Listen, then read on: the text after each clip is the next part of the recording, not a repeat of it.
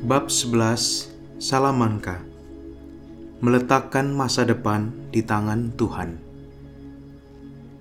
Dari Alcala, Inigo berjalan menuju kota Salamanca agar dapat studi dengan lebih leluasa.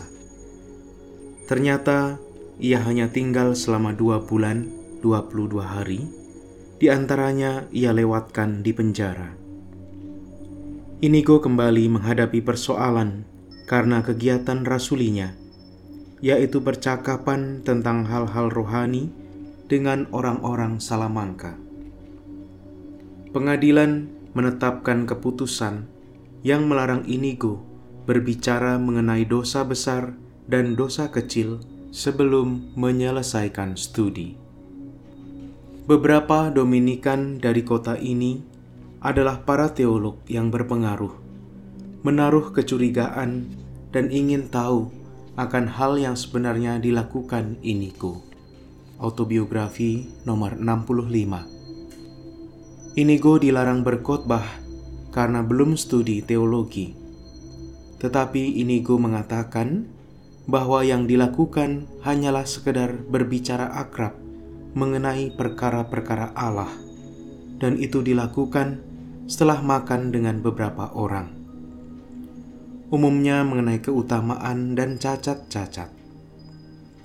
Meskipun demikian, itu pun menurut seorang biarawan Dominikan hanya bisa dilaksanakan oleh mereka yang sudah studi atau memiliki anugerah Roh Kudus. Akhirnya, seperti di Alkala, Kegiatan Inigo membawa dirinya diadili dan dipenjara. Pemeriksaan dan pengadilan dilaksanakan setelah Inigo tinggal selama tiga hari di biara San Esteban. Inigo ditempatkan di penjara umum, tetapi dipisahkan dari para penjahat. Bersama temannya, ia tetap di Borgol rantai pemborgol menyatu dengan bagian tengah ruangan.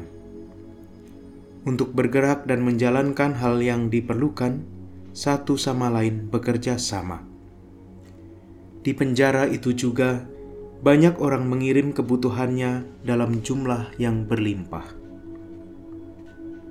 Selama berada di dalam penjara, Inigo merasakan kebaikan dan kemurahan hati banyak orang yang mengunjunginya Inigo pun bergembira dan menolak kemungkinan dibebaskan.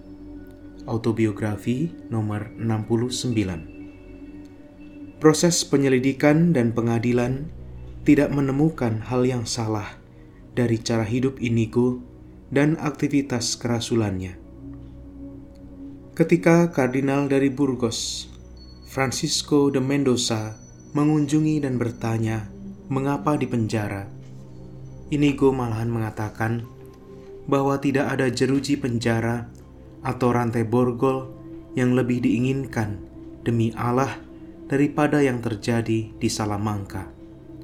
Autobiografi nomor 69 Artinya, demi Allah yang diabdi, Inigo siap menanggung lebih daripada yang sedang dijalani. Selain pengadilan dan penjara, Perjumpaan dengan para Dominikan juga membuat Inigo untuk pertama kalinya menunjukkan buku latihan rohani. Buku ini ditunjukkan di hadapan empat pengadil yang berwenang memeriksanya. Mereka pun melihat latihan rohani dan bertanya banyak hal, termasuk mengenai teologi Trinitas dan sakramen-sakramen. Mereka paham bahwa Inigo benar-benar mengerti apa yang dibuatnya dan tidak ada kesalahan. Demikian dipastikan bahwa Inigo tidak memiliki kesalahan di seputar hidup dan ajarannya, kecuali bahwa dia belum studi. Di satu sisi, pengalaman tersebut membuat Inigo hilang harapan untuk membantu jiwa-jiwa tetapi di sisi lain, berbekal kecerdasan rohaninya yang terbentuk dan kuatnya dorongan membantu jiwa-jiwa, Inigo menemukan motivasi kuat dan keputusan teguh untuk pergi studi di Paris. Dengan semua itu, di Salamanca, kasih akan Allah dimurnikan dan terbukti lebih kuat daripada jeruji penjara dan rantai borgol pengikat tangan dan kaki tahanan. Inigo mengalami lagi keutamaan yang dimohon sejak awal pesiarannya ke Yerusalem. Kepercayaan akan Allah dan penyelenggaraan ilahi. Konsiderasi